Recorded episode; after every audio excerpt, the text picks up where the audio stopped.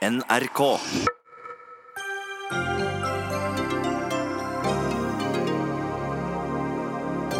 Hva er det egentlig debatten om fremmedkrigere handler om, under alle lagene av diskusjon om Sylvi Listhaugs Facebook-innlegg?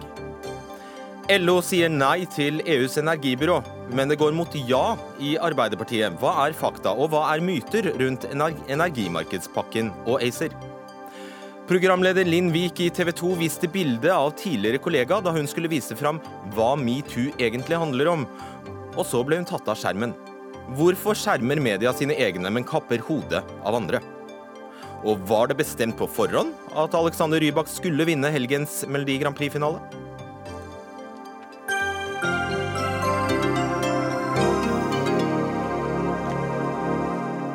I denne Dagsnytt 18-sendingen konstaterer vi, som resten av Norge, at verdens beste skifest i Kollen gikk bokstavelig talt over stokk og stein.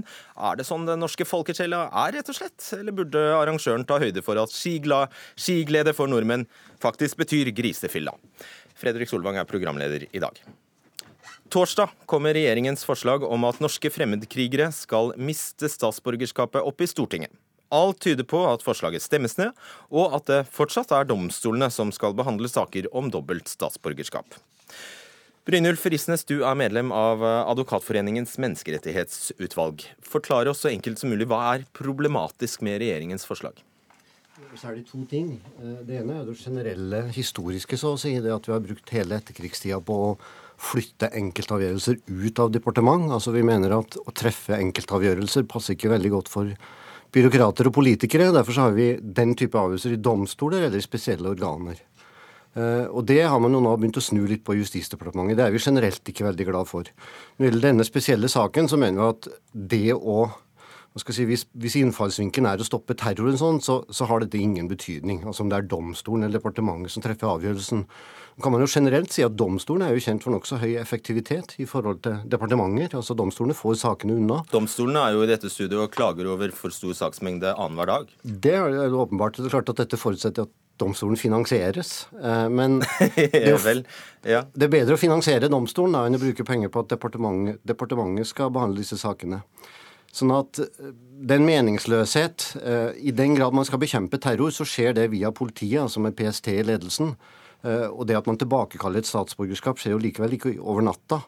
Og Derfor så bør man beholde det gamle, tradisjonelle systemet som vi nå har jobba med i flere tiår, nemlig at det er domstolen som treffer denne type avgjørelser. Men jeg hørte deg egentlig si nå at det spiller i praksis liten rolle fra eller til? Det er helt klart at det ikke Så det er prinsippet det handler om? Jeg opplever vel dette forslaget som litt sånn symbolpolitikk. Altså Om det er domstolen eller departementet som treffer avgjørelsen, har nok veldig liten betydning for terrorbekjempelsen. Det kan man jo snu mot deg òg.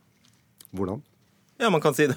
Okay, hvis, det, hvis, det, kun er symbolpolitikk, så er det vel det fra din side? Derfor så beholder vi det systemet vi tradisjonelt har, nemlig at vi treffer den type avgjørelser i domstolen. Jon Engen eh, Helgheim, du er innvandringspolitisk talsperson i Frp. Forklar oss like enkelt og like greit, hvorfor er det så himla viktig at dere og ikke domstolene foretar denne, denne, disse vedtakene? Det politiet sier, er at de har en eh, rekke eksempler eh, hvor de har stått handlingslamma. Fordi i spesielle tilfeller så har de ikke det verktøyet de trenger for å frata eh, statsborgerskapet raskt på personer som er ansett å være en stor trussel mot nasjonens interesser, som det heter. Eh, og Derfor har de også bedt om dette virkemidlet. Og Jeg er helt uenig i at det ikke har noe å si om det er domstolen som gjør det eller ikke. Jeg må bare understreke først alle skal få sin sak prøvd i eh, domstolen. Men uh, her er det et spørsmål om rekkefølge. Politiet mener at man må i enkelte tilfeller kunne handle raskt. Eh, og da har man ikke tid til å vente tre-fire måneder på en domstolsavgjørelse for å forebygge f.eks. For et mulig terrorangrep. Hvordan kan du eh, forutsette at det vil ta tre-fire måneder? Ja, Det var i hvert fall det jeg hørte at eh, lagmannsretten ofte har av ventetid før en sak kommer opp. Tror du ikke lagmannsretten ville kjent sin besøkelsestid? Jo, men det er det som er rart når vi så at flertallet på Stortinget ikke ville gå inn for at vi først tar en administrativ avgjørelse, og så får vi prøvd saken grundig i retten etterpå, så foreslår vi kan vi ikke opprette da en hurtigdomstol, sånn at vi får avgjort dette raskt, og politiet får brukt det verktøyet de har for å avverge terror, for det er det det handler om, beskytte seg.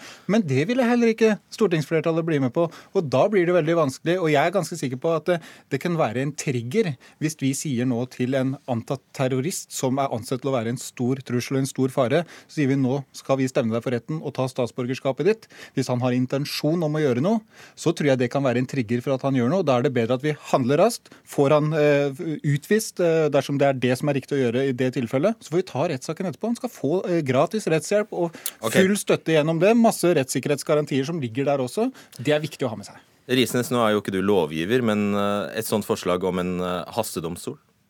Altså, man kan i hvert fall ha hasteprosedyrer i domstolen. Det har vi jo i dag for visse typer straffesaker. For eksempel, så det at domstolen kan handle raskt når det er nødvendig, er jo ikke noe problem. Nå er vi jo ikke vant til det tradisjonelt, at det er til departementet vi henvender oss hvis vi skal ha raske avgjørelser. Eh, hvert fall vi jurister tror nok at domstolen er mer nærliggende da. Og det er jo en grunn til at vi har flytta disse avgjørelsene gradvis ut av departementene. Det er av hensyn til rettssikkerhet, uavhengighet og effektivitet, delvis. Sånn at det å få, få inn den politiske styringa her hvor den ikke har noe å gjøre, det ser jeg ingen men, men, grunn til. Men kan du se at det kan være så alvorlige trusler eh, fra terrorister som er brutale og hensynsløse, at man må sette hensynet til å beskytte oss foran eh, den rettssikkerheten der, og i hvert fall når Menneskerettighetsdomstolen i Europa har en dom mot EU som sier at dette er greit. Eh, nei, ikke mot EU, men England. Svare, eh, og, og, Danmark har også innført dette, og de sier det er greit. Ja, altså Det er for så vidt ikke noe umulig å gjøre det, men det er ingen grunn til å gjøre det så lenge vi har et system som fungerer. Og det er jo ikke akkurat å frata noen statsborgerskapet vi gjør hvis vi står overfor en umiddelbar terrorfare. Da, er det, da pågriper vi vedkommende, da. Jo men, jo, men det er snakk om at noen er ansett f.eks. å være en så uh, stor trussel, en tikkende bombe, som ønsker å skade Norge. Da vil vi ha de utvist. Og hvis vi skal ha de utvist, så er dette eneste måten å gjøre det på. Og da mener jeg da må vi handle raskt. Og derfor har det noe Stemmer det ikke at dette er pågrepne personer i utgangspunktet? Ikke alltid, men det det kan, i veldig mange tilfeller så kan man bruke andre virkemidler. Så alle er åpne på at dette er i, i få tilfeller det er snakk om. men det er er dessverre sånn at ett smell er ett smell for mye. Ja, Det er interessant, fordi dette er jo en debatt som foregår nesten uten tall. Hvor mange snakker vi om her? Det er det ingen som vet. Det står ikke noe om det i proposisjonen. Det står ikke noe om eksempler på at dette skulle vært nødvendig. Det er første gangen jeg hører at, Finnes at politiet skulle ja. hatt noe behov for dette. Finnes ja, fenomenet ja, i det hele tatt? Det, det, får man i hvert fall klart hvis man leser dokumentene. Så, så finnes det uttalelser fra PST som sier at de har klare eksempler på at de har stått handlingslamma ja, overfor enkelte. Hvor mange da? Nei, hvor mange det er, det vet ikke jeg heller. Men det kan bare gjelde de som har dobbelt statsborgerskap. Vi har ikke lov til å ta statsborgerskap og gjøre folk statsløse. Så jeg er helt åpen på at dette er få personer. Men hvis dette kan være med å hindre ett terrorangrep, så jeg bare... synes jeg det er verdt det. For det er faktisk noe av det viktigste vi kan gjøre. Å beskytte innbyggerne mot terror. Jeg regner, regner, bare med at vi alle hadde hatt interesse av å vite hvor stort omfanget eventuelt kunne ha vært. Vi går til deg, Benedicte Bjørnland. Du er sjef i Politiets etterretningstjeneste og er blant de etatene eller de instansene som altså sammen med Politidirektoratet også har støttet regjeringens syn. Kan du opplyse oss hvor mange er det potensielt snakk om her?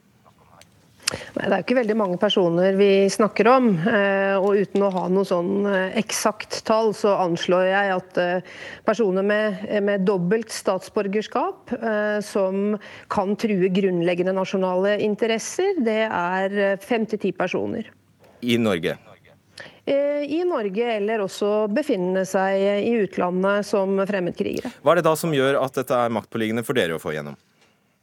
Nei, Vi har støttet eh, lovforslaget, for vi mener at eh, når det gjelder når det kommer til grunnleggende nasjonale interesser og det å forebygge eh, potensielle terrorhandlinger på norsk jord, så bør enkeltindividets rettigheter vike mot eh, nasjonens interesser. Og Sånn sett så mener vi at eh, Eh, da trenger man ikke å være dømt for et straffbart forhold før man eh, kan miste sitt ene statsborgerskap, hvis vi kan føre bevis for at eh, det er sannsynlighetsovervekt for at vedkommende har onde intensjoner. Men forutsatte du nå nettopp i ditt resonnement at en domstolsbehandling ville måtte forutsette straffe, at vedkommende var straffedømt? Ja, altså denne, denne, debatten er jo eh, litt eh, forvirrende. fordi at eh, Det vi har hatt til høring, det er to lovforslag. Det ene går på at man skal i forbindelse med en straffesak, f.eks. hvis man blir dømt for fremmedkrigervirksomhet, parallelt også kan dømmes til å miste sitt ene statsborgerskap. Sånn at det kommer som en straffereaksjon, eller en, et tillegg til en straffereaksjon. Det andre lovforslaget går på at uten at man er straffedømt, så skal man kunne frata eh, statsborgerskapet hvis grunnleggende nasjonale interesser er på spill. Og Det betyr at departementet kan fatte et vedtak eh, som får da den effekten at vedkommende mister statsborgerskapet. Dette skal igjen kunne bringes inn for retten eh, til full domstolsbehandling i tingrett og potensielt lagmannsrett og også Høyesterett. Ja, hva er egentlig altså Risnes, disse disse kan jo bare anke?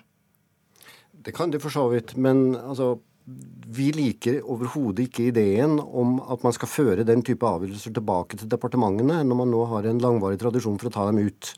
Og Det er helt åpenbart at man må kunne finne løsninger både rettslig og praktisk for at disse kan raskt behandles i domstolene. Sånn at uh, Jeg ser ikke helt uh, det praktiske behovet for dette. og Jeg kan ikke helt forestille meg at terrorbekjempelsen avhenger av at det, er, at det er akkurat departementet som treffer avgjørelsen om å tilbakekalle statsborgerskap. Avhenger den av det, Bjørnar?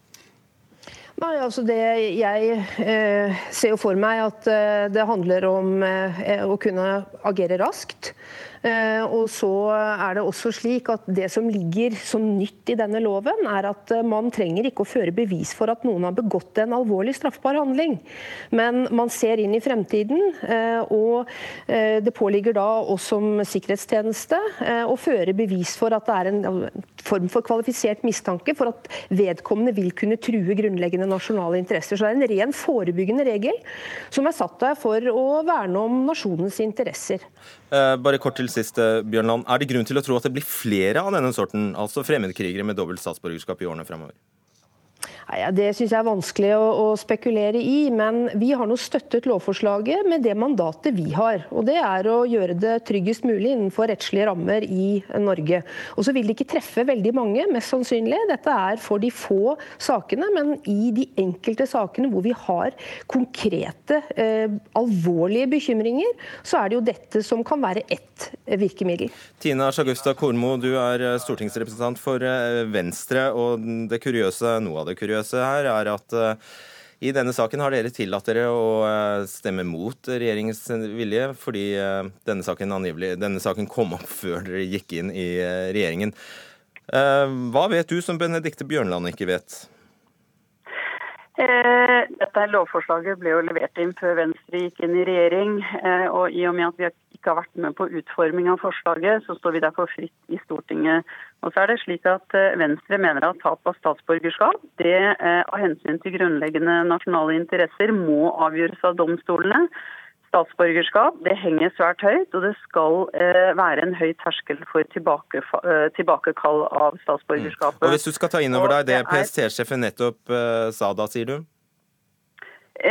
Det er fortsatt slik at det er et svært inngripende tiltak, sånn at dette her bør avgjøres av domstolene. Og eh, det er jo slik at domstolene kan også fatte vedtak raskt. Og i og med at dette her er så få personer det er snakk om, så kan jeg ikke se at man ikke kan stole på at domstolene klarer å gjøre jobben sin. Ok. Eh, nå er det jo altså slik at vi, eh, mange vil si dessverre, i stedet for denne debatten som vi eh, nå avholder, jeg har fått en debatt om uh, Sylvi Listhaugs uh, Facebook-side. Jon uh, Helgheim, hvorfor la hun ut denne, egentlig? Ja, altså det er jo basert egentlig på et utspill jeg hadde dagen før Sylvi la det ut, hvor jeg sa at i denne saken så setter Arbeiderpartiet potensielle terroristers rettssikkerhet foran behovet for å beskytte oss mot terror. Og Det mener jeg er en faktaopplysning som har blitt bekrefta av Arbeiderpartiet selv. At de eh, setter den rettssikkerheten overfor de potensielle terroristene foran, sånn at vi ikke kan innføre dette forebyggende tiltaket.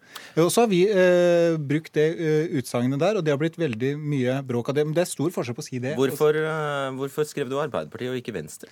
Det er pga. at Arbeiderpartiet har innrømmet at de har vært for slappe i klypa. De har lovet nå en strengere innvandringspolitikk. Og så igjen, når de fikk muligheten til å stramme inn denne gangen mot terrorister. Handler dette om så, innvandring? Eh, dette handler om innvandring også, ja. Det gjør det absolutt. Eh, På hvilken men, måte da? Jo, for eh, dette her er personer som har dobbelt statsborgerskap. Snakk om ti personer? Ja, men det er personer som er innvandrere på en eller annen måte, for de har dobbelt statsborgerskap. Eh, så det, det, gjelder bare de som også har et utenlandsk statsborgerskap. Så det er innvandrere vi snakker om her. Okay. Så, eh, så, eh, det er grunnen til det. Og vi pekte på Arbeiderpartiet, for det er de som kunne sikra dette flertall. Jeg hadde forventa at Arbeiderpartiet ønska å være tøffe i klypa mot terrorister. Og av og til så er det faktisk helt fair å sette mm. rettssikkerheten foran andre behov. Men i denne saken syns jeg det er veldig rart at de gjør det. Tina og de Kornmo, klarer ikke ja. helt å forsvare det selv. Tine Kornmo, Tina Kornmo, denne, denne, påstanden kunne jo like gjerne vært rettet mot eh, Venstre. Altså at Venstre mener terroristenes rettigheter er viktigere enn nasjonens eh, sikkerhet. Hvordan hadde du reagert da? Og jeg har forståelse for at Helgeheim og Listhaug er skuffet for å ikke få støtte for forslaget sitt. Men den kritikken som de da retter mot Arbeiderpartiet, er urimelig. Eh, det er ikke måten å føre en saklig politisk debatt på om terrorbekjempelse. Vi er, Alle partier er opptatt av å bekjempe terror, og så må alle tenke gjennom hvilke ord og bilder de bruker i det offentlige ordskiftet. Og jeg har jo et håp om at eh, alle kan bli bedre og, og, og bidra til en mer redelig debatt. Eh, jeg tror det er viktig for befolkningen. Mm. Hva bør Sylvi Listhaug gjøre? I alle fall ikke bruke den type retorikk og den type bilder som hun har brukt i dette tilfellet. Hva bør hun gjøre med dette innlegget? Dette innlegget burde jo aldri vært postet. Nei, men nå er det nå en gang det, da. Så hva bør hun gjøre nå? Dette innlegget bidrar til å, eh, å, skape både frykt, men også å og, um, iallfall beklage, fordi jeg mener at uh, dette her er, um, dette er urimelig, den måten uh, Arbeiderpartiet blir, blir kritisert. Dette her er en debatt vi skal ta i stortingssalen. Og da må man bruke litt, litt ryddigere ord i ordet. Skjønner. Hvordan er det å sitte i regjering med noen som skaper frykt? Det er, eh, Nå sitter jo ikke jeg i regjering. Nei, men, men Hvordan er det for partiet ditt å sitte i regjering med noen som skaper frykt? Vi, vi sier ifra når, eh, når, det er noe som eh, Når vi bør reagere på noe. Og eh, jeg tenker at eh, Sylvi Listhaug hun eh, kan også moderere seg. Og Venstre har alltid sagt ifra. Trine Skei Grande var den første til å si ifra akkurat i dette tilfellet. Ehm, så det tenker jeg er helt uproblematisk. Var det helt tilfeldig at det kom samme dagen som Utøya-filmen? Ja, helt tilfeldig. Det kom ikke samme dag, det kom dagen før. Fordi det var torsdagen som dette var ferdig behandla i komiteen. Og det er først da det er offentlig. Dette er unntatt offentlighet uh, før komiteen er ferdig behandla. Så det er en helt tilfeldighet. Og det vet Støre veldig godt når han beskyldte oss for å legge det til den dagen det var uh, Utøya-premiere. Så da var det rett og slett dårlig fingerspitzgefühl fra Sylvi Listhaug? Overhodet det ikke. For dette her er et argument som holder vann. Det er en faktapåstand som er basert på det Arbeiderpartiet sier selv. De setter setter eh, hensynet til rettssikkerheten overfor de potensielle terroristene høyere enn behovet for å innføre det forebyggende tiltaket. Tar Erna Solberg feil da, når hun sier at Sylvi Listhaug Ja, jeg er uenig med Erna Solberg at dette er å gå for langt. Dette er alvorlige ting vi snakker om. Det er mange som reagerer på at, at de opplever politikere som er unnfallende for å beskytte seg mot terror. Det er ikke Frp som skaper frykt, det er, det er terroristene som skaper frykt. Og det er det vi må handle imot. og Derfor er det mange som reagerer imot Arbeiderpartiet og stortingsflertallet, som ikke ønsker å beskytte seg mot terror, sånn som vi ønsker. Nå er jo ikke Arbeiderpartiet til stede her, men du skal få en avsluttende replikk, Brynulf eh, Risnes. Ja, jeg tenker det å tro at man får mer effektiv terrorbekjempelse ved å føre av enkeltavgjørelser tilbake til departementet, det tror jeg er helt feil, og det tror jeg også de fleste forstår. Det har ingenting med terrorbekjempelse å gjøre. Ok. Takk for denne runden. Jeg tror vi ble litt klokere hva angår selve forslaget. Takk skal dere ha, Jon Helgheim, Brynulf Risnes, Tina Kornmo og Benedicte Bjørnland. Dagsnytt 18 alle hverdager kl 18.00 på NRK P2 og NRK2. TV 2 redigerte bort et innslag der programlederen navnga en tidligere ansatt som skal ha seksuelt trakassert kollegaer. Nå har TV 2 bestemt seg for å ta programmet til eh, Linn Vik av lufta denne uka. I starten av fredagens Snakk med Linn Vik spør programleder Vik retorisk om vi trenger å markere 8. mars, og så vises det bilder av bl.a. Trond Giske, Harvey Weinstein, Ulf Leirstein og en tidligere uidentifisert TV 2-personlighet. I reprisene som har blitt vist senere på TV 2-nyhetskanalen, er bildet borte. Senere ble hele programmet tatt, fra, tatt, bort fra TV 2s nettspiller, og i dag har TV 2 besluttet å ta den kommende sendingen på fredag av lufta, som sagt. Denne mannen var en profilert TV-personlighet i TV 2-sporten i flere år. To kvinnelige kollegaer fortalte sine ledere at mannen ved to forskjellige hendelser sperret dem inne på et hotellrom. Dette ble senere behandlet i TV 2 som trakasseringssaker, men mannen fortsatte i jobben. Sportsredaktør Vegard Jansen Hagen i TV 2 har beklaget i det vide og det brede, men det er en kjensgjerning at han skrøt av vedkommende profil da han var ferdig i TV 2. Og dette har Jansen Hagen fått skarp kritikk for. Ingen fra TV 2 kan eller vil stille eh, i Dagsnytt 18 i dag. Mina Gabel Lunde, du er journalist og blogger, og har tidligere skrevet i Morgenbladet og på bloggen din at pressen skjermer sine egne metoo-saker, mens de samtidig bruker tid og plass på å dekke metoo-saker i andre deler av samfunnet. Er dette et eksempel på det du mener? Ja, det vil jeg jo si at det er. Det er jo, uh, dette er et uh, nytt eksempel. Hva er det dette eksempelet viser deg? Det viser at uh, vi er veldig flinke på å ta andre, men veldig motvillige til å gå etter lignende saker i egne rekker. Da. For det er jo dette med metoo er jo ikke en eh, Det er jo rett og slett det å trakassere eh, kvinner, eller ja, menn også, eh, i arbeidssammenheng. Og det er jo ikke noe som er eh, nytt, og det er heller ikke noe som er forbeholdt eh, politikken eller andre bransjer. Det er også i mediebransjen. Eh, det jeg har tatt til orde for, er at man er veldig flink til å gå etter andre. Eh, der er man heller ikke så veldig forsiktige. Der er man ikke så veldig varsomme eller eh, skånsomme overfor de det gjelder. Når det kommer til identifisering, når det kommer til detaljer, når det kommer til å ta varslinger, som tross alt er altså, Som jo bare er det det er, da. Varslinger. Men å blåse de opp til å bli veldig konkrete saker som man eh, tar eh, navngitte mennesker for. Men med en gang det gjelder noen i egne rekker, så blir man svært, svært varsom. Både med å ta i sakene, men også med å identifisere de menneskene som har gjort langt verre ting enn mange politikere har fått svi for i de siste månedene. Var det da riktig av programleder Linn Vik å gjøre det hun gjorde?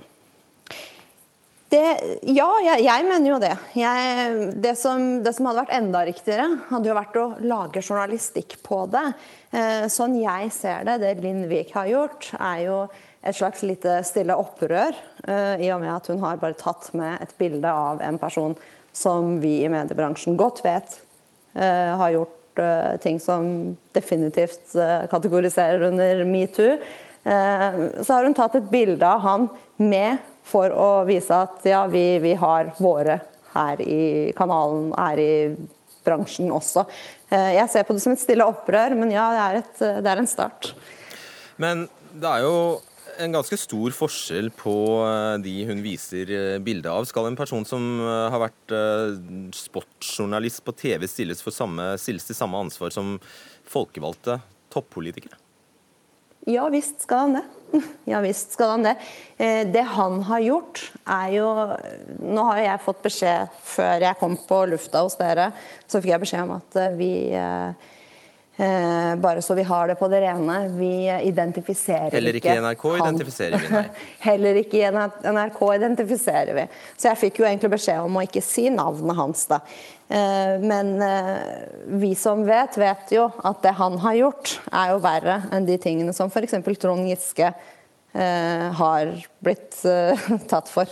Selv de tingene han har blitt beskyldt for er ikke like ille som det denne mannen i TV 2 har gjort. Mm. Men likevel er vi altså der veldig forsiktige når vi tar på våre egne. Og det syns vi er alvorlig. Veldig alvorlig. Nyhetsredaktør i TV 2 Karianne Solbrekke vil ikke diskutere dette her med oss, men sier dette. Avgjørelsen om å ta programmet av lufta denne uka er ikke en metoo-sak. Det handler om en redaktøravgjørelse som ikke er blitt fulgt. Det er en svikt der den redaksjonelle linja om ikke å identifisere personen er brutt. Nå må vi finne ut hvordan det skjedde, og derfor stopper vi programmet denne uka for å komme til bunns i saken. Takk skal du ha, Mina, Lunde, Mina Gabel Lunde.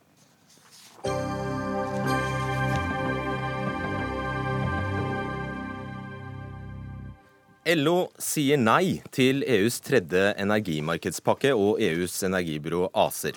Over 100 Arbeiderpartiordførere har allerede sagt nei til pakken. Samtidig har partiledelsen i Ap reist rundt til fylkeslagene og advart mot at et nei kan bety at EU straffer norsk eksportindustri. I helgen fikk Jonas Gahr Støre uttelling. Tre av fem fylkespartier som hadde årsmøte, støtter Ap-ledelsens opplegg for å si ja. Trygve Slagsvold Vedum, leder i Senterpartiet. Det går altså mot et ja i landets eh, største parti, din tidligere regjeringskollega. Hva syns du om det? Nå må Arbeiderpartiet lytte på industriarbeideren, lytte på fagbevegelsen og lytte på de som har industrien i sine lokalmiljø. Og Der er det et helt rungende klart eh, signal til Arbeiderpartiet. Si nei til å gi makt til EU over norsk energipolitikk. Og Her er det Fellesforbundet, det er Fagforbundet og nå et samla LO som er eh, tydelig. Eh, og industri og energi, selvfølgelig. Og da bør også Arbeiderpartiet lytte på fagbevegelsen, ikke bøye seg for regjeringa, ikke bøye seg for EU. For det er norske politikers ansvar å sørge for at vi skal ha en industripolitikk som bygger Norge, ikke bygger EU. Under tittelen 'Nye garantier og løftebrudd' skriver du på NRK Ytring i dag at det er historieløst og uklokt å la EU styre vitale deler av norsk energipolitikk. Og du påstår norsk energi skal ikke styres etter nasjonale hensyn, hvis vi går med her, da. Hva er nasjonale hensyn? Noe av Suksessen i Norge er at vi har brukt norsk energi til å bygge industri, til å bygge landet. Det har vært en fantastisk rikdom for Norge at vi har så mye energi. Og så har vi hatt en bevissthet rundt hvordan vi kan bygge da lokalsamfunn. Men vær helt, ikke vær sånn, ikke snakke så store, så, så, så store, store vendinger. Vær helt konkret. Hva, betyr hva sikter du til når du sier nasjonale hensyn? Vi mener at, for eksempel, at det er klokt at man kan ha en energipris i Norge som uh, ikke blir for høy. Og da vil man da har da internasjonale kabler, så kan man da, hvis man da mener av norske hensyn, at man da ikke skal ha så stor eksport, at vi da stopper det. Eh, Utbygging av kabler. Eksempel det. Og at man også i en tvist mellom Norge og Tyskland, eller Norge og et annet land, sier at uh, vi må ha en energipolitikk som gjør at vi kan ha en kraftkrevende industri, at vi har en energipris tilpassa norske husholdninger. Og så vet vi også at utviklinga i EU tidligere på den type organ er at de utvider sin makt hele tida. Det har vi sett ikke minst når det gjelder EØS-avtalen og ESA. De har gått inn på alkoholpolitikken, finanspolitikken, distriktspolitikken. De gikk inn på hjemfall. Så i utgangspunktet så framstår det smått og forsiktig, men så har systemene en iboende kraft. At det blir mer og mer mektig, det blir større og større.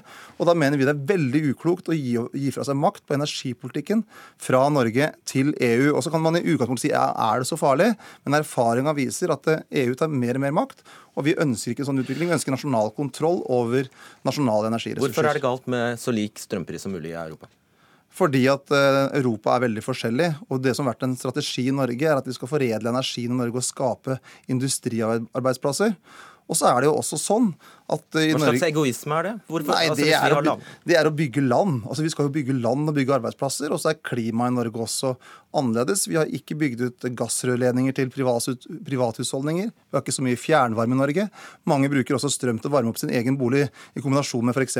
ved. Og Det er en god løsning for Norge, og vi må ha en politikk tilpasset Norge. Og så må vi bruke energiene til å utvikle landet for de mange. Så Arbeiderpartiet, nå må dere lytte på industriarbeideren, ikke på EU, ikke på regjeringa, og stå opp for våre interesser. I et år som 2016 eh, Slagsvold Vedum, måtte Norge importere for å dekke vårt eget eh, behov i uke 16, 46 og 52, tre uker altså. Om lag 30% av denne strømmen var kjernekraft. Halvparten var olje, gass eller kull. 13% var vannkraft, 8% var vind og 3% var sol. Er du mot det? Og derfor så har jo Senterpartiet... Er du imot det? Nei, vi er ikke imot å veksle ut energi. Så det er greit? Ja, og det er, jo, det er en politikk vi også har stått for. Men det vi, vi gjorde når vi hadde regjeringsmakt, det var at vi snevra inn lovverket som gjorde at det måtte være offentlig utbygging. Det var noe av det siste Ola Borten Moe gjorde når han var statsråd. At man hadde et strammere regelverk som hvem som skal bygge ut, hvem som skal ha kontroll. At det skal være statlig og offentlig kontroll, sånn at vi kan bruke energiutveksling. Ja, skal selge og kjøpe. Jo, men jeg sier, jeg svarer på det du spør om først, at vi mener at det er rett å ha selvfølgelig energiutveksling. Men vi må ha nasjonal kontroll. Og vi stramma inn det regelverket og lovverket når vi satt i regjering, sånn at det var bare offentlig eide kabler som skulle bygges. Nettopp for at vi skal ha styring, og at vi skal ha politikere som kunne stilles til ansvar i valg. Norge har altså eh, sagt at vi skal oppfylle våre klimaforpliktelser nettopp ved hjelp av EUs mekanismer. Bl.a. kvotesystemet. Og da er det jo nettopp Eh, energiforsyningen eh, som, skal, som, er nøkkelen for å få det til. Er du mot, er, altså Vil du bryte Norges, eh, den avtalen Norge har skrevet med EU på dette området? Jeg vil tenke helhet på dette området. og det er at det, vi, vi, skal utvikle fornybar energi og fornybar kraft i Norge. Senterpartiet var jo også arkitekten bak at vi innførte grønne sertifikater, som gjør at vi har hatt en veldig stor vekst i utbygging av kraft i Norge de siste åra. Men et hovedmål må jo være at Grønne sertifikater som har variert her? Nei, det har jo fungert veldig godt. Du ser jo at det er storstilt utbygging av kraft i Norge nå. Men vi må jo bruke den kraftutbygginga til å bygge industri og arbeidsplasser, så at ikke Norge bare blir en ren råvareleverandør. For råvareleverandører de taper, industrinasjoner de vinner. Og vi må jo lære av historien og se hva som har vært suksessen i Norge siden 1909, når de sikra eierskapet til vannkrafta og sikra nasjonal kontroll over energipolitikken. Det har vært en suksess fra 1909 til i dag, og det er en suksess også videre. Og Derfor så bør vi ikke gi den makta til EU, som er en stor stor nettoimportør når vi er en stor nettoeksportør. Hvordan forklarer du at hele, altså de eh, organisasjonene i miljøbevegelsen som har gjort seg på en mening, de sier ja? Ja, men Vi har da det, mye større ansvar på Stortinget. for vi skal tenke på... Hvordan forklarer du det? Nei, De må svare for seg. Men vi har ansvar for å utvikle... Du har sikkert gjort deg tanker om det? Altså, vi må svare for, De må svare for seg. Ja, jeg vet det, men jeg spør deg, hva, hva tenker du om det? Nei, De tar sikkert en tanke om at Norge skal være Europas eh, liksom, elforsyningsbase, og at det er mye grønn energi i Norge. Vi mener at også at vi skal produsere grønn energi. Eh, og vi, Derfor så satte vi i gang også med grønne sertifikat for å øke produksjonen. Men det vi også er svært opptatt av, er å ha en industripolitikk, en næringspolitikk, som gjør at vi bygger Norge, og at norske politikere skal stilles til ansvar for de valg som blir tatt. For Problemet her er at makta skal gis fra Norge til EU, et system det norske folk har sagt nei til to ganger. Det skal vi nå gå ned i grauten på. Marie Byskov eh, Lindberg, du er stipendiat ved Senter for teknologi, eh, innovasjon og kultur. Du må gjerne bli sittende hvis du vil. Ja. du bestemmer selv. Det er opp til deg. Ja. Senter for teknologi, innovasjon og kultur ved Universitetet i Oslo. EU vedtok altså Det er tre energimarkedspakker så langt som altså har, eh, har blitt vedtatt i EU. i 1996, 2003 og 2009. Det er nå den tredje vi diskuterer her, da. Hva var opprinnelig hensikten med disse pakkene? Ja, de her eh, energimarkedspakkene de ble jo satt i gang med det overordna formålet å liberalisere energisektoren. Og vi må huske på at energisektoren tradisjonelt har vært en gjennomregulert sektor. Og den var prega av store monopole aktører som eide både kraftproduksjon, men òg hele nettstrukturen. Og det var det da et ønske om å løse opp i. Og det var land som Storbritannia som pusha på det her, men med støtte fra også skandinaviske land og Nederland. Og eh, det her har vært en gradvis utvikling eh, fra den første pakken til eh, og med den tredje. Og det som har vært innholdet i de lovforslagene, det har jo vært da at man skal åpne sektoren for nye aktører.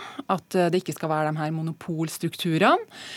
Og at forbrukerne skal profitere av det her ved at de kan få lov til å velge Nettopp. Ja. Og så kommer altså denne tredje energimarkedspakken, som i alt inneholder åtte direktiver, forordninger og beslutninger. Hvilke av dem har vært mest omstridt i EU-landene? Ja, Det som er også et nytt element ved den tredje energipakken, det er at man får inn et veldig stort fokus på grenseoverskridende handel. Sånn at, og også Bakgrunnen til det her er jo at man ønsker å opprette et indre marked for energi. Det skal være mulig å handle mellom land, også med energi. Eh, men energisektoren er jo en spesiell sektor. Det er ikke samme type vare som eh, agurker og tomater. Vi er avhengig av en infrastruktur. Og derfor så må det være noen, eh, det må være noen reguleringer på hver side av den handelen. Og Derfor så er også den tredje energimarkedspakken mer omfattende enn den foregående pakkene, hvor det først og fremst var å åpne opp eh, for mer konkurranse innad i land. Mm. Og da, i den tredje, eh, tredje, pakken, så kommer altså dette berømmelige ACER, eller ACER, inn. Torbjørg eh, Jevnaker, du er stipendiat ved Institutt for statsvitenskap ved Universitetet i Oslo, er med oss fra Nederland, faktisk. Hvor kom ideen om ACER fra? Altså, bakgrunnen, bakgrunnen, for dette her er at alle EU-landene hadde forpliktet seg til å eh, skape et felles europeisk energimarked.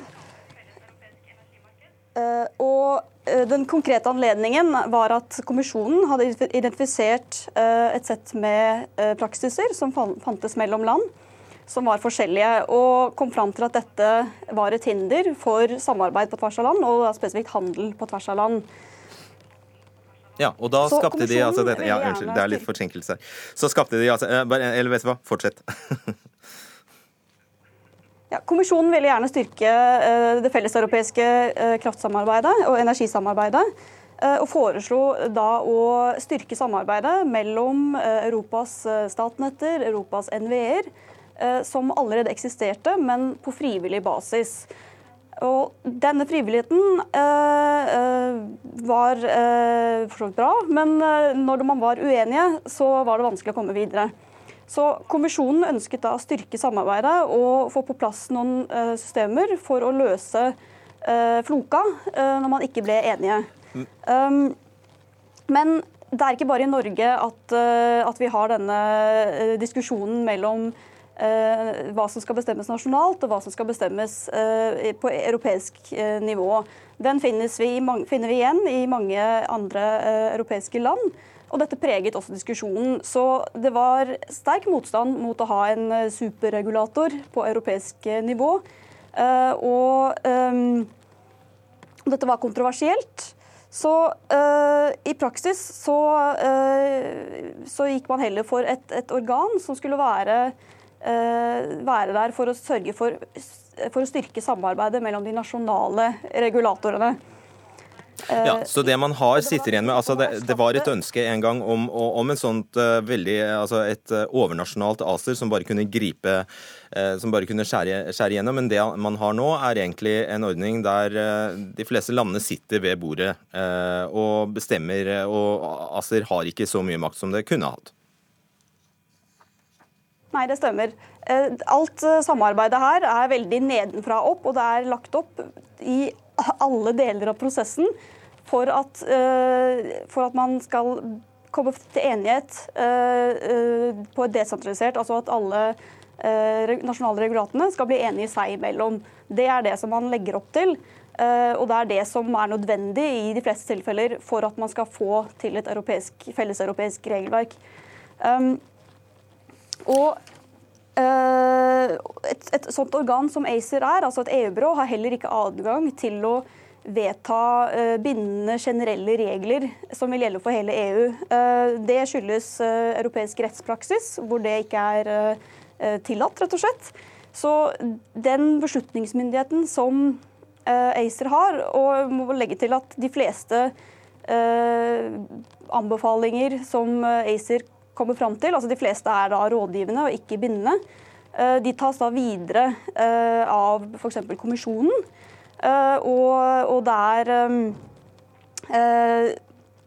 de, de, få tilfellene hvor, hvor ACER kan fatte vedtak, det er under svært begrensede betingelser og kun i spesielle tilfeller og kun i enkeltsaker. Svar veldig kjempekort på dette spørsmålet. Betyr det du har sagt nå at energimarkedet i Europa, selv etter denne tredje energimarkedspakken og ACER, etter ditt syn er styrt av nasjonalstatene? Ja, i stor grad. Ok, Det var kort og fint. Og Du skal få med deg et like tilsvarende kort eh, spørsmål, eh, Lindberg. Det kom altså nå Vi, jo, vi har jo en stor eh, alt, alt, i Norge skjer på etterskudd pga. EØS-avtalen. Så det som har kommet nå, er egentlig den fjerde pakken. Det er det EU nå debatterer, en såkalte vinterpakken. Kommer det til å bli bråk om den også? Ja, altså du sier at det har kommet en ny pakke. Det er jo et lovforslag. Så den pakken gjenstår jo å bli vedtatt. EU, eh, e altså parlamentet og medlemslandene, de skal fremdeles vedta innholdet i den pakken. Og det pågår veldig harde forhandlinger om den pakken nå.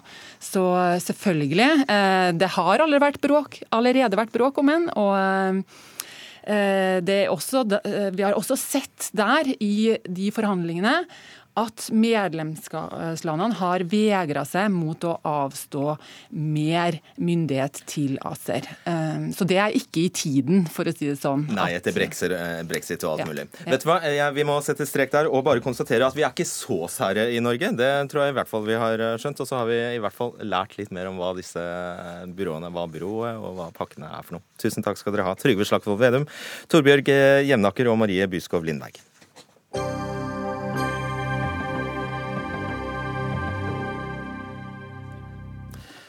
Det har eh, ofte vært omtalt som verdens beste og største skifest, men nå kan kanskje Kollenhelga få tittelen verdens verste fyllefest. Det har ikke manglet på reaksjoner etter at eh, lørdagens femmil og timene etterpå etter hvert artet seg som en gedigen afterski, som etter hvert også medførte personskader, fullstendig kaos på T-banen og slåssing og bråk osv. osv. Kristin Vestgren Sæterøy, daglig leder i Holmenkollen skifestival. Du husker du har vært der før? Jeg har vært der før, det stemmer. Det er et par år tilbake nå. Ja, det var eh, fylla, det òg. Dessverre. Det, ja. Mm. Ja. Hvordan forklarer du det? Nei, altså Jeg syns jo for det første at dette er veldig veldig trist at vi opplever dette. Vi ønsker å, å gjennomføre store og flotte folkefester oppe i Holmenkollen, og ønsker at publikum skal ha det fint og flott. Eh, det som skjer ute i marka nå denne helgen her, og, og på veien ned, er jo et, et, stort problem for oss som vi i fellesskap må se på. Hva vi skal gjøre med. Så det at du har vært der eh, faktisk to år nå om det samme temaet, det må jo bety at dere, dere greier ikke dette her, rett og slett? Ja, Det var vel en litt annen vinkling forrige gang. Eh, nå var det store var det mengder på, ja. mm. Nå var det store mengder med folk som skulle gå ned, på, på, ned til trikken. Eh, og så oppstår det situasjoner ved trikken pga. folkemengden og press og fyll som gjør at det blir et sikkerhetsproblem sikkerhetsproblem på vei oppover. Er det noen andre enn Holmenkollen skifestival som bærer ansvaret for det som skjedde?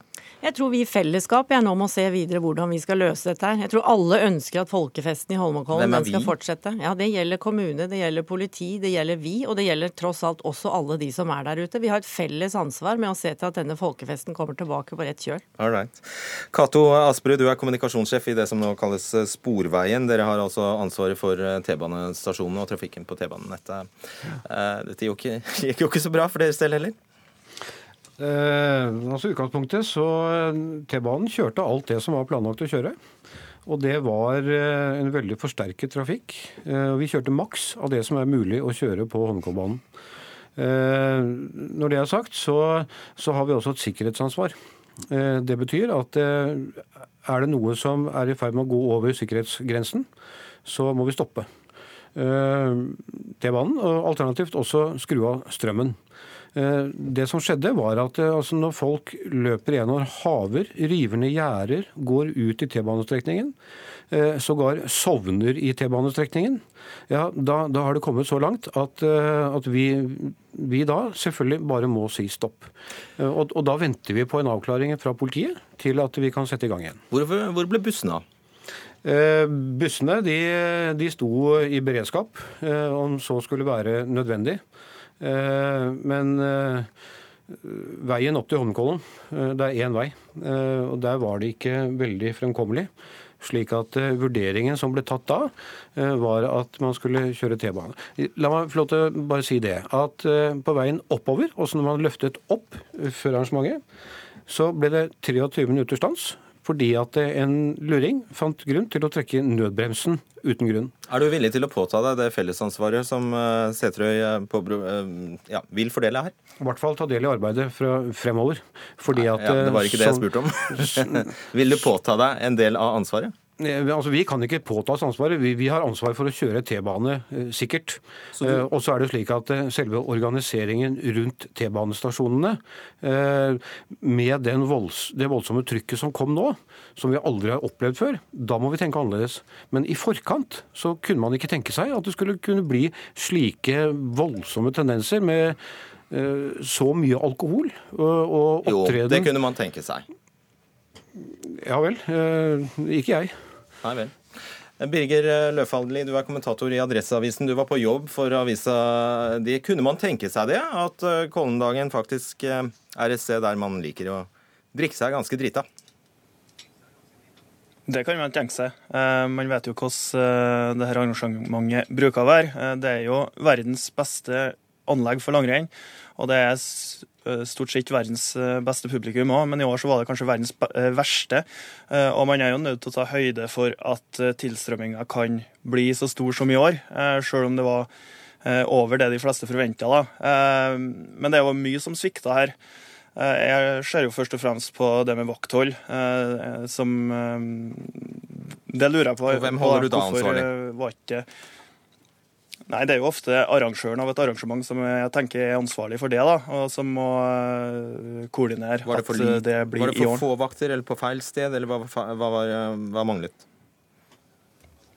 Ja, jeg, da, jeg, gikk jo nedover uh, veien fra Holmenkollen til Majorstua denne lørdagskvelden. Det var en veldig utrivelig tur. Uh, og når jeg så uh, bildene fra hvordan det var på T-banen, på T-banestasjonene, så fikk jeg litt sånn assosiasjoner til det som skjedd i fotballen på 80-tallet, med noen av de verste skandalene i internasjonal idrett, med den trengselen, den panikken.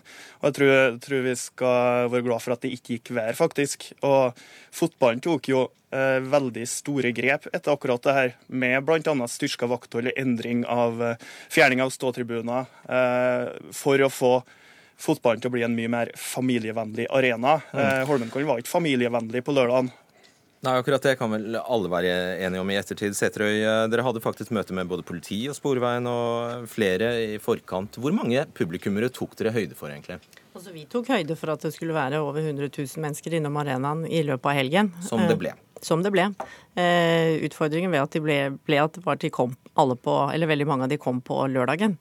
Eh, og så skal jo vi gå inn i oss selv og se på hva kunne vi gjort enda bedre nå i etterkant. Det har noe med sikkerhet, det har noe med logistikk, og det har også noe med et rennprogram å gjøre. Mm. Så vi er nødt til å se på egentlig flere. Og dere er klar over at folk gjerne drikker på lørdag og ikke på søndag? Det er vi fullstendig klar over, eh, og det har vært gjort før i Kollen. Og så er det å se på hva ønsker vi å gjøre med det videre. Mm. Torbjørn eh, Norvald, du er svensk langrennsekspert og blogger bl.a. for Nettavisen. Eh, du har reist verden rundt på langrennsmesterskap. Hvor ille var dette? Ja, Det var det verste jeg har vært med om på en skitevling. Og da har det vært noen hundre, elleve VM og fire OS og noen hundre verdenscuptevlinger. Nei, dette gikk over streken. Det var, det var ille.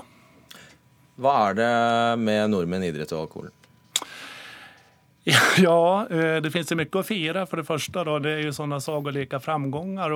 jeg har jo vært her på Holmenkollen 13 ganger tidligere, og det har vært glad stemning. og Svenske åkere elsker å gå det her endet. Det har jo vært alkohol som det har vært lagom. Men, men i år var det noe som stack ut, noe som vi ikke har opplevd tidligere. Det fanns en en otrygghet Og jeg tror at skidpubliken var ikke det var deler av skidpubliken som ikke er der for å hylle Martin Jonsrud Sundby, eh, Sju Røthe og, og eh, Simon Hegstad Krüger som har vunnet de her. Eh, de, jeg tror de, de brydde seg ikke i det utan de hadde det her som en festplats Og det er nok der man måtte titte på at det her får ikke bli en allmenn festplats Altså. Det her er en idrottsarena også ute i skogen. men du nikket da jeg, da jeg spurte her om, at, om, om man jo bør være klar over at folk drikker, eh, drikker seg ofte ganske fulle på dette arrangementet. Mm. Når du da hører eh, arrangøren si at de kunne ikke ta høyde for, eller de hadde i hvert fall ikke gjort det, tatt høyde for at på lørdagen, da det var fint vær, og på lørdagen skulle komme så mange, og du hører Sporveien si at de gjorde, de gjorde det de kunne, mm. bussene kom seg ikke opp, hva sier du da? Ja, alltså jag tror alltså, så här mycket folk som, som var på lördagen, det har vi nog inte haft på Holmenkollen. Så det kan jag förstå om de blir lite överrumplad över där då. Uh, alltså, vem kunde förutse att det skulle komma 100 000? Det var ju mer än när vi hade VM här 2011. Det, det kan man nog inte klandra arrangörerna för. Jag tycker faktiskt synd om arrangörerna som som drabbas av den här kollektiva fyllekollapsen som, som inträffade. Det har, det har inte varit där. Och, och I min blogg på Nettavisen nu så skriver jag att eh, alltså, vuxna måste ta sitt ansvar. Och eh, så kanske man måste är nödd tvungen till att införa då alkoholförbud eh, där uppe och ha serveringstält för att arrangörerna ska få ett större grepp om och polisen och alla som jobbar kring arrangemanget. För så här kan vi inte fortsätta. Nei. Er dere enig i det? At det kan ikke fortsette sånn? Nei, absolutt. Det her vil vi. Vi vil jo at dette skal være en folkefest der alle føler seg trygge. Dette må vi ta tilbake igjen. Absolutt. Hva skjer da til neste år? Nei, Nå må vi jo gå igjennom og evaluere, og det har vi allerede startet med. Vi har jo eh, enda et nytt arrangement nå til helgen. Eh, det er justeringer som skal gjøres med både politi, Sporveien og Ruter i morgen. Se på det. Og så skal vi gjennomføre, og så blir det jo eh, et, et større møte da etter, før påske. Altså i uken etter, før påske. For å se på hva er det vi gjør videre herifra. Vi må evaluere og se på hver sted. Hva har den foreløpige selvransakelsen i Sporveien ført til? Eh, den har ført til at, eh, at, vi skal være med på å diskutere fremtiden. Hvordan, eh, hvordan, kan vi løse dette? Det vi vet, er jo at det går ikke an å kjøre noen T-baner, noen flere T-baner, og ikke noe fortere. Men det kan, det kan være lengre tog. Men det fordrer at man bygger ut f.eks. Frognerseteren stasjon. Og, og, og, da, og, da, er vi på et litt annet perspektiv. Da er vi på et nasjonalt anliggende. Eh, det er penger som ikke kan tas fra kollektiv Oslo. Fordi at trafikken der en normaluke er, er mer enn god nok. Men, men, det er hvordan skal vi klare å absorbere slike store publikumsmengder som skal til fantastiske Kollen eh, på, en, på en god måte. Og, da snakker vi Da må vi begynne å bygge. Eh, og det gjør vi gjerne. Der fikk du sagt det. ja, vi, må sette strek der. Takk skal dere ha. Kristin Vestgren Seterøy, eh, Cato Asprø, Torbjørn Norvald og Birger Løfalding.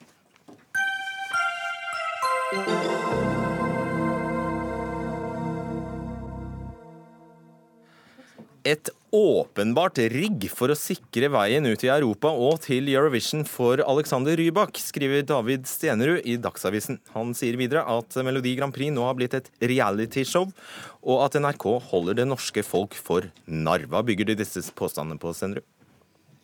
Du, det, det er jo mye. Det er jo en hel liste av ting som jeg mener gjorde at, at Melodi Grand Prix-finalen på lørdag kom til å handle om Alexander Rybak. Ta de som virker mest overbevisende på oss andre.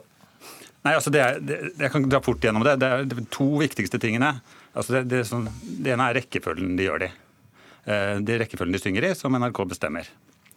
Eh, det er en klar fordel, viser all statistikk og empiri, å synge sist.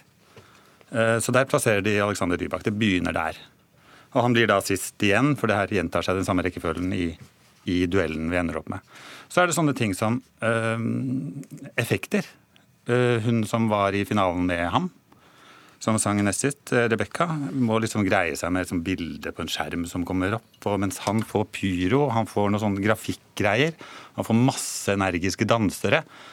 Og så er det liksom hele veien hvordan de har lagt opp den internasjonale juryeringen også, med liksom fem land fra Øst-Europa. Han tar selvfølgelig og kasserer inn fire av dem. Så du forutsetter at de er helt aldeles uh, hva skal jeg si, foruts uh, fordomsfulle, de østeuropeerne? Vi vet jo at Rybak er populær i Øst-Europa. Men at de ikke er i stand til å skjelne sangene? Nei, men han er jo kjent der borte. Det er klart at det er, eh, har en effekt. Mm -hmm. Ja, det var tre. Du kan få det, Vi tar det fjerde.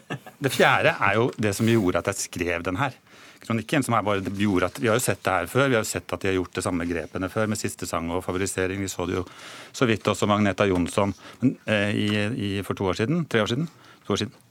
Men, eh, men, det som gjorde at det virkelig ble for meg så vanskelig å ikke skrive noe om det, det var det intervjuet på slutten. Hvor eh, hun, har, hun er 19 år gamle jenta. Debutanten har sunget sin, sin låt for siste gang. Og eh, de venter på Rybak, og hun får spørsmål om hva hun syns om Rybak. Og blir tvunget til å stå der og skryte av Rybak. Det var jo ikke helt på slutten, for det hadde ikke spilt noen rolle for konkurransen. Det var altså før siste runde, må det ha vært. Ja, men det her er jo konkurranse fremdeles. Avstemningen er jo åpen. Ja, nettopp. Ja. Ja, mm. så avstemningen er jo åpen når dette her skjer. Og da sitter man også for låtskriveren hennes også spørsmål om hvor bra Rybak er. Så det blir som, mens han har jo lyst til å si noe om sin sanger, men det får han ikke anledning til. Og da sitter man og tenker jeg håper virkelig at Rybak får spørsmål om henne. Når, hun, når han kommer inn. Det gjør han ikke. Han skal også snakke om Rybak. Nå gikk det kaldt nedover ryggen på meg, NRKs underholdningsredaktør Charlo Halvorsen. Ville NRK at Alexander Rybak skulle vinne? Nei, det, eller ja, det var jo ikke sånn at ikke vi ville det, men han eh, hadde akkurat like stor eh, backing fra oss som alle de andre ni eh, artistene og låtene. Og eh, for å ta det litt sånn eh, ta, Var det fire ting? Det første var å plassere sist. Det er jo et dramaturgisk virkemiddel vi har på, eh, i en TV-sending som dette er. Den artisten som er mest omtalt, mest liksom, hype rundt i forkant, som jo Dagsavisen også har vært med på, eh, blir plassert sist. Det er et sånn alminnelig sånn trikk for å holde publikum Så om man ikke hadde en fordel fra før, så får man det?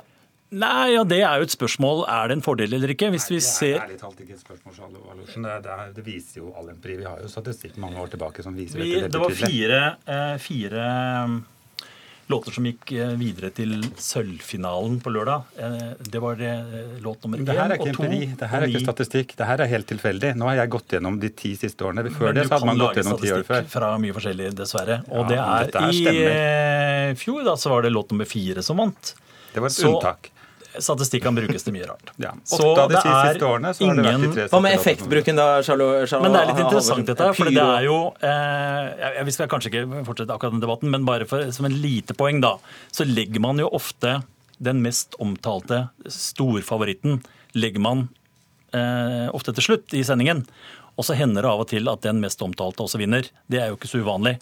Så eh, det er nok ikke vi Det er ikke Ja, sikkert sikkert det er en stor fordel, men det kan være. Men, at han fikk masse Han fikk pyro, han fikk ta, eh, animasjon, han fikk, han fikk så mye Rebekka ikke fikk. Alle sceneopptredener eh, blir gjort i samarbeid med eh, artistene og managementet deres. Noen vil ha dansere, noen vil ha pyro, noen vil gjerne stå alene med vindmaskin hvis det trengs. Og eh, det gjøres i samarbeid. Det er ikke noe for fordeling av noen. Ah, ja, så Rebekka kunne ha fått eh, pyro hvis hun ville? Kunne ha fått hva hun ville. Ah. Da har du jo misforstått litt. Ja, men vet du jeg Men det var et par ting til, var det ikke det? Ja, jo, det var, var for du, skal få, du skal få kommentere det, men vi må bare introdusere tredjemann her også. Anders Martinus Tangen, du er redaktør for nettsiden eh, Esk eh, Norge, altså Eurovision Song Contest Norge, men snakker på egne vegne her, for, for så vidt. Hva syns du om kritikken fra Sendro? Nei, eh, du har noen spennende poenger. Eh, men jeg eh, er jo opptatt av at er du favoritt fordi du synger til slutt, eller synger du til slutt fordi du er favoritt? Og Det er det siste som er tilfellet når, når det har blitt sånn at NRK velger eh, rekkefølge. Så legger de jo eh, den mest, antatt mest interessante mot slutten. Sånn ville jeg gjort det eh, i en standup-klubb. Sånn ville jeg gjort det på Norwegian Wood-festivalen. At man har headlinerne til slutt. Ja, men det er urettferdig. Ja, altså det, det kan man diskutere, for det, eh, det ble trukket i 2012. Da ble startrekkefølgen trukket. Da var det Tooji som vant fra start nummer én, f.eks. Så eh, NRK kunne gjort dette enklere for seg selv, tenker jeg. fordi hvis man sier at startrekkefølgen ikke har så mye å si, så kan man like gjerne trekke den, så kan man lage litt hype rundt trekningen også. Eller gjøre som man gjør det i Eurovision, at man trekker i hvert fall halvdel av sendingen. eh, Og så kunne man lage litt moro rundt det også, for jeg tror ikke det er så mye produksjonsmessige hensyn bak det. Det er dette at man ønsker dramaturgien, og det har jeg full forståelse for. Men dette spørsmålet dukker opp og dukker opp og dukker opp, og det er synd for programmets integritet. Tangen Stenerud eh, snakker jo også om de internasjonale juryene, altså at det var en overvekt eh, østeuropeiske juryer som da har en eh, som liker eh, Aleksandr Rybak godt. Han er altså opprinnelig hviterussisk. Eh, Du er mer opptatt av identiteten til medlemmene i juryene? Ja, det syns jeg også er spennende, fordi vi vil gjerne vite det. Eh, Nå fikk vi vite det i dag, og det er jo stort sett fans rundt omkring. Eh, Og det styrker også at fansen får mer å si eh, for hvem man plukker ut. Og det, det burde egentlig vært mer fagpersoner, fordi dette kan ødelegge Grand Prix på sikt. Fordi det gir mindre spennende melodier. Derfor er jeg egentlig imot internasjonale juryer, jeg, i nasjonale finaler. Kan man finaler. bare melde seg og si 'jeg vil være med'? Nei, det, det, det, det, nei det, det er vel ikke så enkelt, men altså det er fangrupperinger som sitter i juryene. Det er ikke nødvendigvis fagfolk. Det er Vivi-blogs og sånt. Det er litt sånn tilsvarende sida jeg driver, og jeg er ikke noe Hvem er det, Halvorsen, som sitter i disse utenlandske juryene? Nei, det er Akkurat hvem det er, det vet jeg ikke. Det er jo 50 stykker det er jo til sammen. Så det, man kan gå inn på nrk.no slash mgp, så kan man gå inn og se hvem de er. Og det er folk som er opptatt av MGP i de enkelte land, selvfølgelig. Og vi gikk jo inn Grunnen til at vi begynte med internasjonal jury, var jo rett og slett at dette er en konkurranse. Vi vil vinne. Ja. Og da er det lurt å høre hva Europa mener. Ta siste punktet til Stennerud, nemlig at programlederen faktisk, og det var det flere som reagerte, mange som reagerte på det, at uh, Rebekka ble stående der og måtte rose Alexander Rybak rett før hun skulle på scenen igjen selv. Ja, det kan jeg gå med på kanskje ikke var det aller lureste. Det var jo absolutt ikke planlagt. Vi visste jo ikke hvem som ville være med av de to i den siste battlen. Eh, Men det var nok et sånn journalistisk poeng i farta, for det var, det, liksom, det var slags Askepott mot den etablerte stjernen, og det var et journalistisk poeng som ble tatt, som jeg sier, i kampens hete, og ikke planlagt. Og for en med erfaring fra direktesendinger, så vet jeg at sånn trenger ikke å være konspiratorisk lagt opp. eh, Nei, men Sånn. altså, det er jo heller sånn, det kan godt legge til grunn at dette er en dramaturgisk eh, årsak bak at man, at man har den rekkefølgen man har. Eh, Ja, men sånne så- spørsmål som Ja, bare men det, kommer på det, det er som er litt av poenget mitt. og som jeg så blir det en hel hype rundt Rybak, som på en måte programlederne også blir tatt av. Det er den eneste grunnen til jeg kan si at det blir, kan være naturlig for dem å spørre den 19 år gamle jenta om hvor, hvor flink Rybak Kjapp er. runde, var det riktig vinner? Ja, absolutt. Og jeg syns det er synd at denne debatten dukker opp, og det kan NRK unngå neste år ved å ikke lage for mye regi, men lage mer eh, rettferdig konkurranse. Riktig vinner? Jeg holdt med Rebekka. Ok, riktig vinner. Jeg er programforpliktet til å svare ja. Ja, selvfølgelig er du det. David Senere, Charlo Halvorsen og Anders Martinus Tangen, takk skal dere ha. Dagsnytt 18 i dag er over. Ansvarlig for denne sendingen var Arnhild Myklebust. Ida Larald Brenna satt i teknikken, og i studio Fredrik Solvang. Ha en riktig fin kveld.